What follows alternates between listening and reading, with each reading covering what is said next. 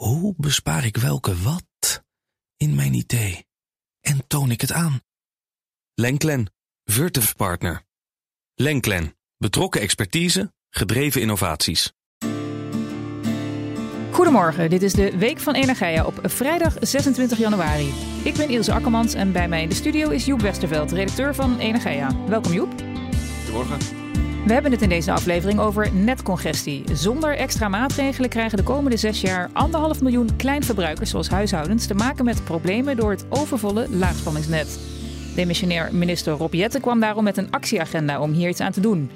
Voor het Tweede Kamerdebat over netcongestie deze week riep GroenLinks PvdA op tot meer solidariteit en pleiten de netbeheerders voor een spitstarief.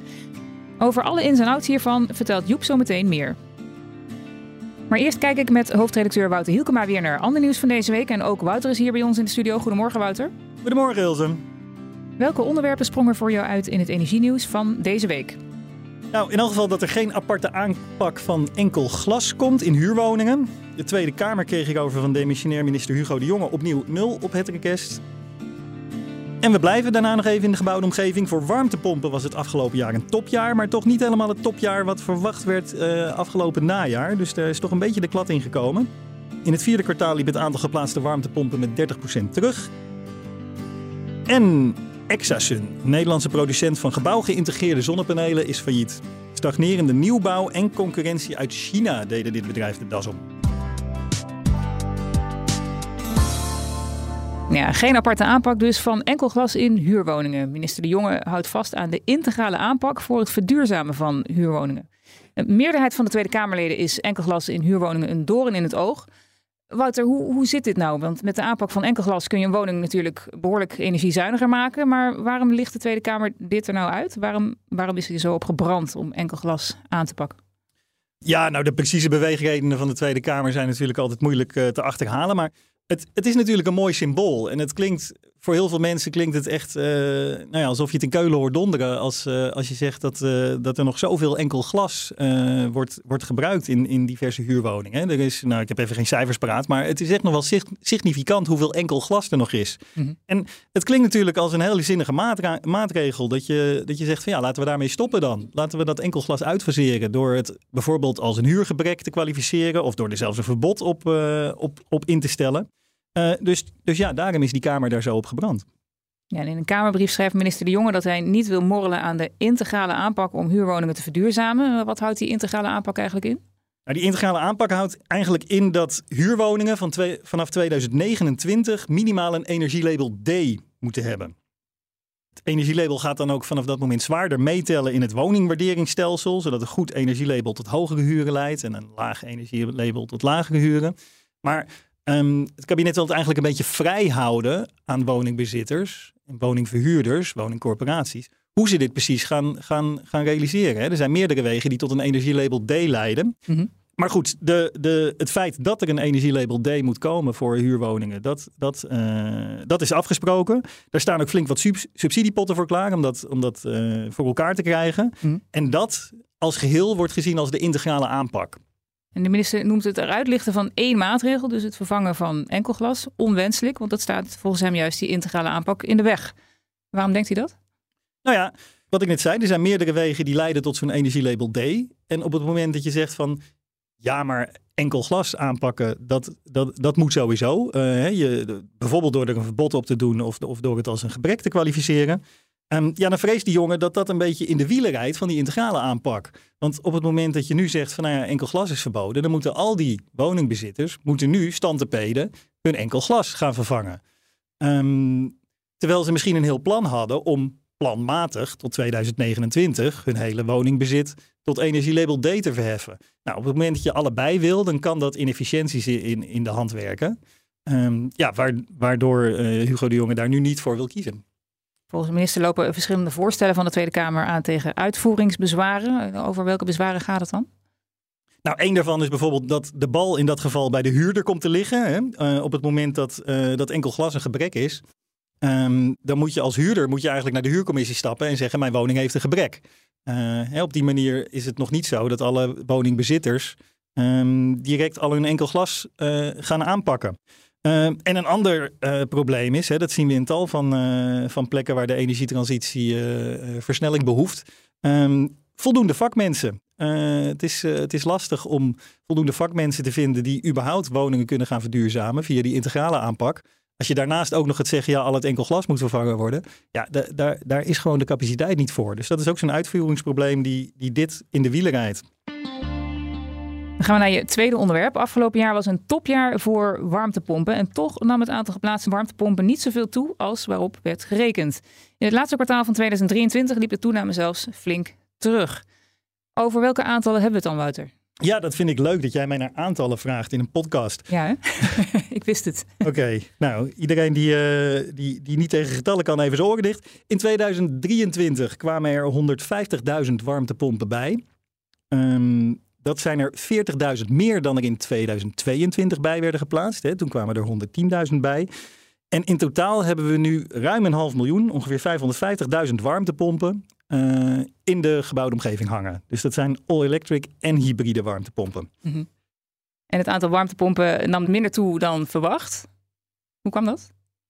Ja, uh, er kwamen er dus 150.000 bij in 2023. Maar uh, afgelopen najaar werd er nog gerekend op bijna 170.000. Dus daar is toch een flink, flinke teruggang. Mm um, dat kwam allemaal in het vierde kwartaal. Uh, dat viel heel erg tegen. Daar werd echt een enorme teruggang waargenomen in het aantal warmtepompen dat geplaatst werd. Ja, daar zijn, ik sprak met, met Frank Achterberg, de voorzitter van de vereniging Warmtepompen. En er zijn een aantal redenen voor, voor aan, te, aan te wijzen. Het is een beetje een samenloop van omstandigheden.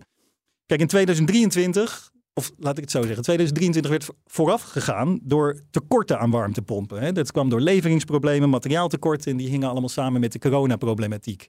Nou, begin 2023 leek dat allemaal een beetje opgelost. En toen zijn heel veel groothandels en installateurs zijn hun voorraden op peil gaan brengen. Dus die hebben heel erg veel warmtepompen ingeslagen. Maar die, die verkoopgolf die is nu een beetje ten einde.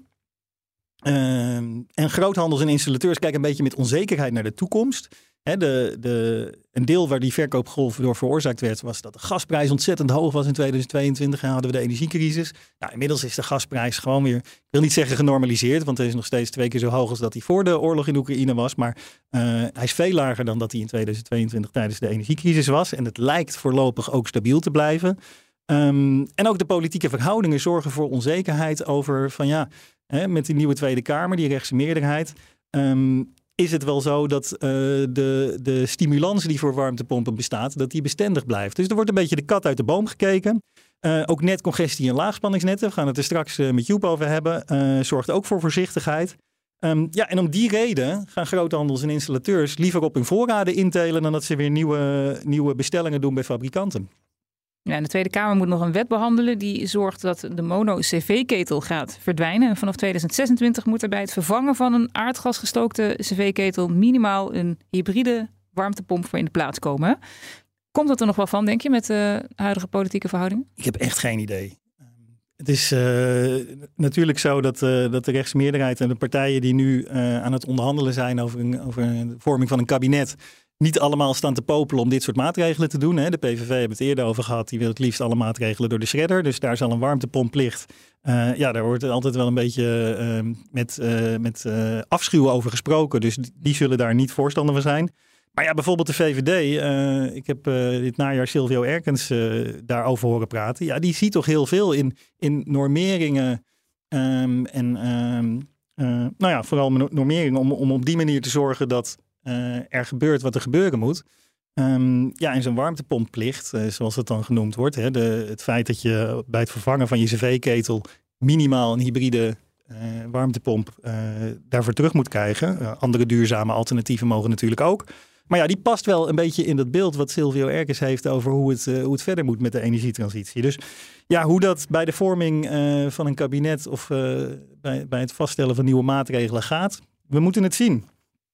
Ja, en wat is de verwachting over de toename van het aantal warmtepompen voor dit jaar? Ja, daar sprak ik Frank Achterberg over. Um, die verwachten eigenlijk dit jaar een beetje bestendiging van de, van de, van de bijplaatsing. Dus dat betekent dat uh, hè, vorig jaar hadden we, kwamen er dus 150.000 bij. Nou, dat wordt voor dit jaar wordt dat aantal ook ongeveer verwacht. Dus de, de groei vlakt behoorlijk af. Dan hebben we nog je derde onderwerp, het faillissement van Exasun, een Nederlandse producent van gebouwgeïntegreerde zonnepanelen. Het bedrijf had last van stagnerende nieuwbouw en kon niet langer opboksen tegen concurrentie uit China.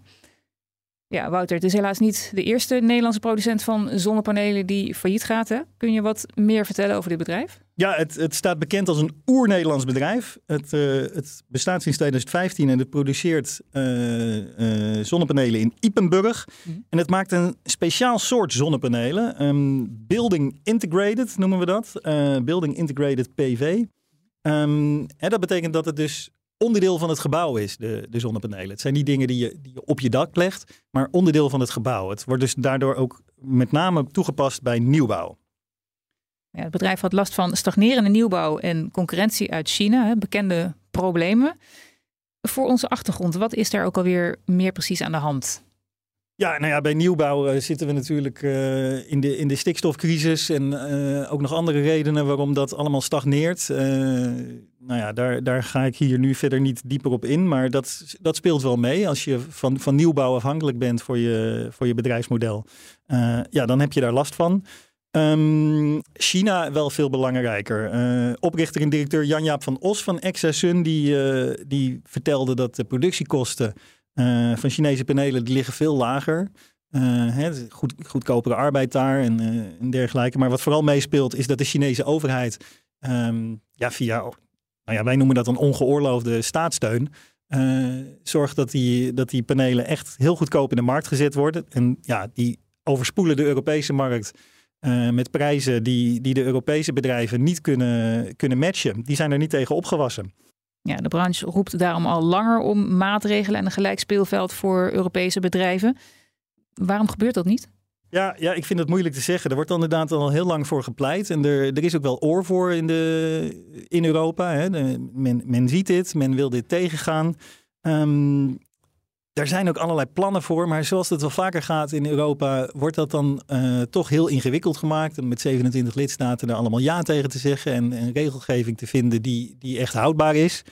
Um, dus ja, op een of andere manier is het toch moeilijk om snelheid te maken. Het is, het is niet alleen China trouwens, het is ook Amerika waar, waar uh, concurrentie mee is. Hè. Die hebben die uh, Inflation Reduction Act, waarmee ja. het voor bedrijven heel aantrekkelijk wordt om, om duurzame productie op te starten in Amerika. Mm. Ja, en de Europese tegenhanger daarvan. Die is wel in de maak, maar ja, die is er nog niet.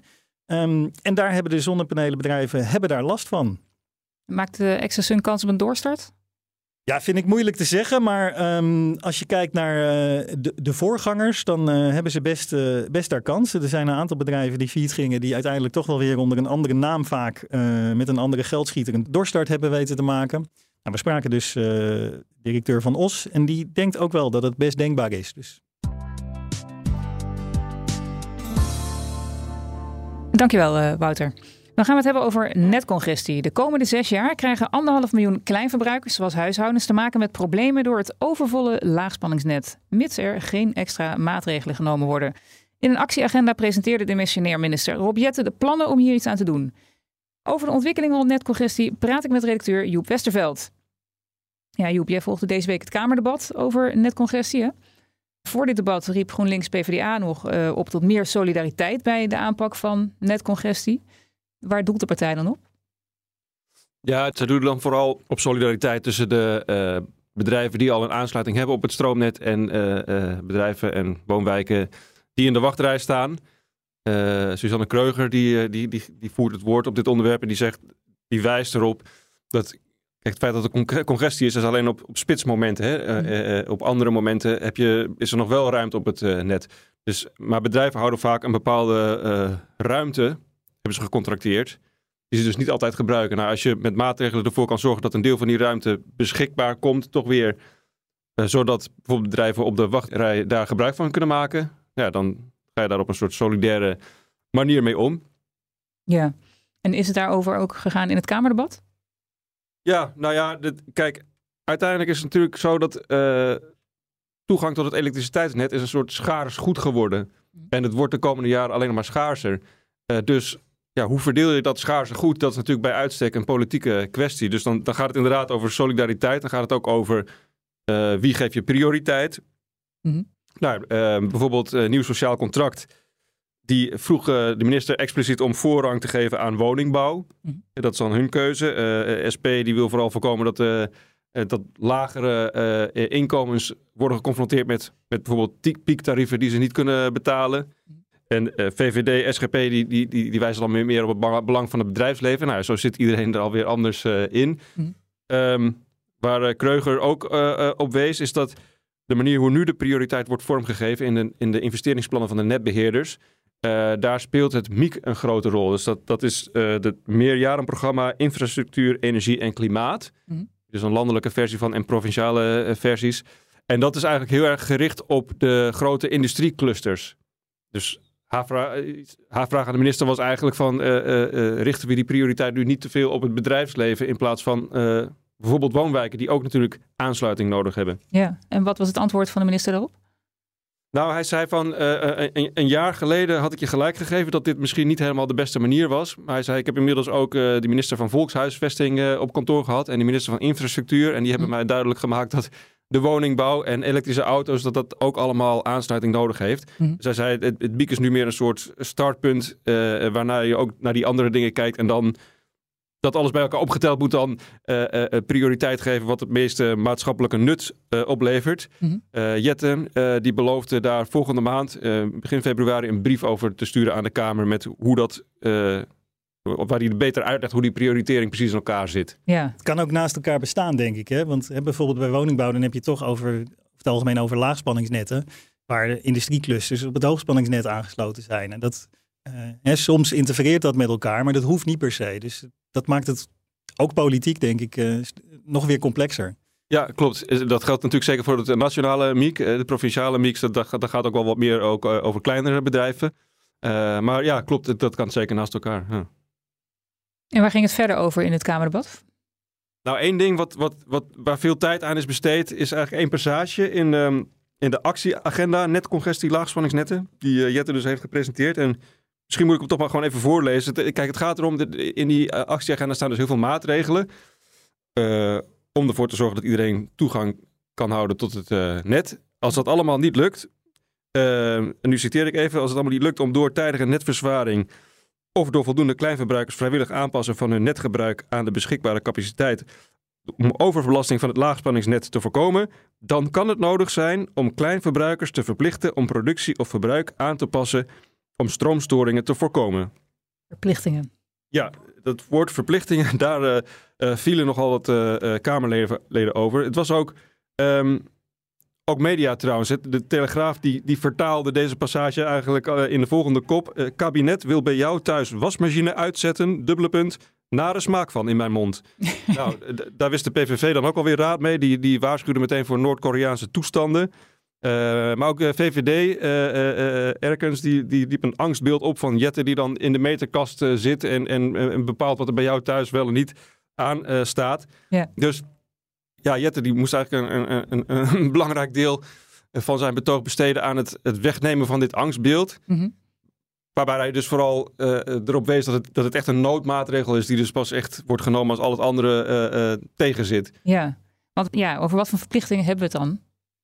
Nou, de, suggestie werd dus een beetje gewekt dat, uh, uh, dat het echt gaat om, de, om het op afstand uitzetten van je wasmachine. Uh, het, het, gaat er eigenlijk meer om, om, om, om apparaten als warmtepompen, zonnepanelen, het laden van je elektrische auto's. Dat het dus in noodgevallen, als echt het, net eruit dreigt te klappen met alle maatschappelijke gevolgen en kosten van dien, dat de netbeheerders dan een mogelijkheid moeten krijgen om, ja, om dan toch uh, dat iets terug te kunnen regelen. Hè? Dus, dus dat je je auto niet meer volledig oplaadt, maar e-, even iets, uh, iets minder. Mm -hmm. dat is tenminste hoe, hoe Jetten het dan omschreef. En volgens hem gaat het dus over ja, noodsituaties die enkele minuten duren, of misschien zelfs enkele seconden. En daarbij probeerde het kabinet dan ook nog zoveel mogelijk van tevoren zeg maar, toestemming te krijgen van huishoudens om dat te mogen doen. Maar ja, goed, ik heb net de passage voorgelezen. Er staat natuurlijk wel zwart op wit dat het om een verplichting gaat. Ja. Dus als die toestemming er niet is en er is een noodsituatie, ja, dan, dan willen ze dat alsnog wel kunnen doen. Um, overigens kan dit op dit moment nog helemaal niet. Uh, technisch gezien, je kan helemaal niet een warmtepomp van iemand terugregelen op afstand. Uh, de wetgeving is daar ook nog helemaal niet klaar voor. Dus het is allemaal soort van lange termijn opties waar nu over gepraat wordt. Ja. Wat wil je eigenlijk gaan doen aan die problemen dan? Om, want die, ja, die problemen, daar zijn oplossingen voor voorgesteld, juist om dit te voorkomen. Dus hoe, hoe ziet dat actieplan eruit? Ja, precies. Ja, dus dit is echt hè, het, het, noodscenario. Maar eigenlijk die actieagenda zijn allemaal maatregelen om, om het daarvoor al opgelost te hebben. Mm Nou ja, eigenlijk uh, zijn er drie sporen om dat uh, op te lossen. Ten eerste is dus de uitbreiding en de verzwaring van de netten. Dat, dat gewoon moet plaatsvinden. En uh, ja, hoe kunnen we ervoor zorgen dat dat toch beter gaat? We hebben het hier vorige week ook gehad over uh, het maakbaarheidsgat. Het, dus netbeheerders kunnen eigenlijk 25% van het werk wat ze zouden moeten doen, kunnen ze niet uitvoeren vanwege personeelsgebrek. Nou ja, daar mhm. zijn maatregelen bijvoorbeeld voor voorgesteld. En de andere twee zijn in eerste plaats het efficiënter gebruik van het net. Dan kom je dus een beetje op de solidariteit waar we het net al over hadden. En ook meer inzicht wat er eigenlijk op die laagspanningsnetten gebeurt. Ja, want daar is nu weinig inzicht in dus. Um, en beter inzicht is nodig om tot oplossingen te kunnen komen, staat ook in de actieagenda. Hè? Hoe kan het eigenlijk dat het inzicht zo gebrekkig is en, wat is daaraan te doen? Ja, er zijn verschillende oorzaken. Kijk, één ding wat, wat bijvoorbeeld belangrijk is, waar netbeheerders ook om vragen, is dat uh, gemeenten die moeten warmteplannen uh, aangeven. Dus dat, het zou voor de netbeheerders heel fijn zijn als de gemeente duidelijker kunnen aangeven van oké, deze wijk, daar komt een warmtenet. Dus daar hebben de huishoudens geen warmtepompen nodig die heel veel stroom gebruiken. Dus eh, nou, die wijk hoef je dan minder te verzwaren. En andere wijken waar een warmtenet geen optie is, daar moet het net wel verzwaard worden. Dat is goed om van tevoren uh, te weten, zodat je dat kan plannen. Um, een ander punt is bijvoorbeeld dat er zitten in de transformatoren op het laagspanningsnet helemaal niet zoveel sensoren. Mhm. Op het hoogspanningsnet uh, wel, het middenspanningsnet ook. Daar, daar is redelijk veel uh, data uit te halen, maar het laagspanningsnet loopt heel erg achter. Dat, dat moet ook uitgerold worden. En tenslotte heb je de slimme meters. Het is een hele operatie geweest om, om elk huis te voorzien van slimme meters. Maar bepaalde data die, die, zijn, die daaruit voortkomen, die zijn nu eigenlijk niet beschikbaar. Eh, in verband met de privacywetgeving. Nou, Henry Bontebal van de CDA die, die ging daar ook op in. Die, die zei van ja, we hebben miljoenen geïnvesteerd. Uh, die data hebben we toch nodig. Kunnen we niet gewoon de autoriteit persoonsgegevens vragen om daar samen over na te denken over hoe kunnen we dat op zo'n manier die data toch ontsluiten dat het in, in, toch in lijn is met de privacywetgeving. Nou, Jette vond dat geloof ik ook wel een goed idee, dus, dus daar gaat dan nu waarschijnlijk naar gekeken worden. Ja. Hoe ontstaan de problemen op de laagspansnetten eigenlijk? Ja, dat heeft vooral te maken met de, de groei van het aantal warmtepompen, elektrische auto's en uh, zonnepanelen. En zonnepanelen levert heel veel uh, extra opwek op waar dat eigenlijk niet op berekend is. En warmtepompen en laadpalen zorgen voor heel veel extra afname waar dat niet op berekend is. En daarnaast is het natuurlijk zo dat de laagspanningsnetten zijn ook weer aangesloten op de middenspanningsnetten en uiteindelijk op het hoogspanningsnet. Het is eigenlijk gewoon, uh, de regionale netbeheerders zijn eigenlijk gewoon afnemers van het hoogspanningsnet van, van Tennet. Mm. Uh, dus ja, op die manier hangt ook alles weer met elkaar uh, samen. Ja, netbeheerders pleiten vorige week nog voor een spitstarief om het volle stroomnet te ontlasten. Wat verstaan ze daar eigenlijk onder?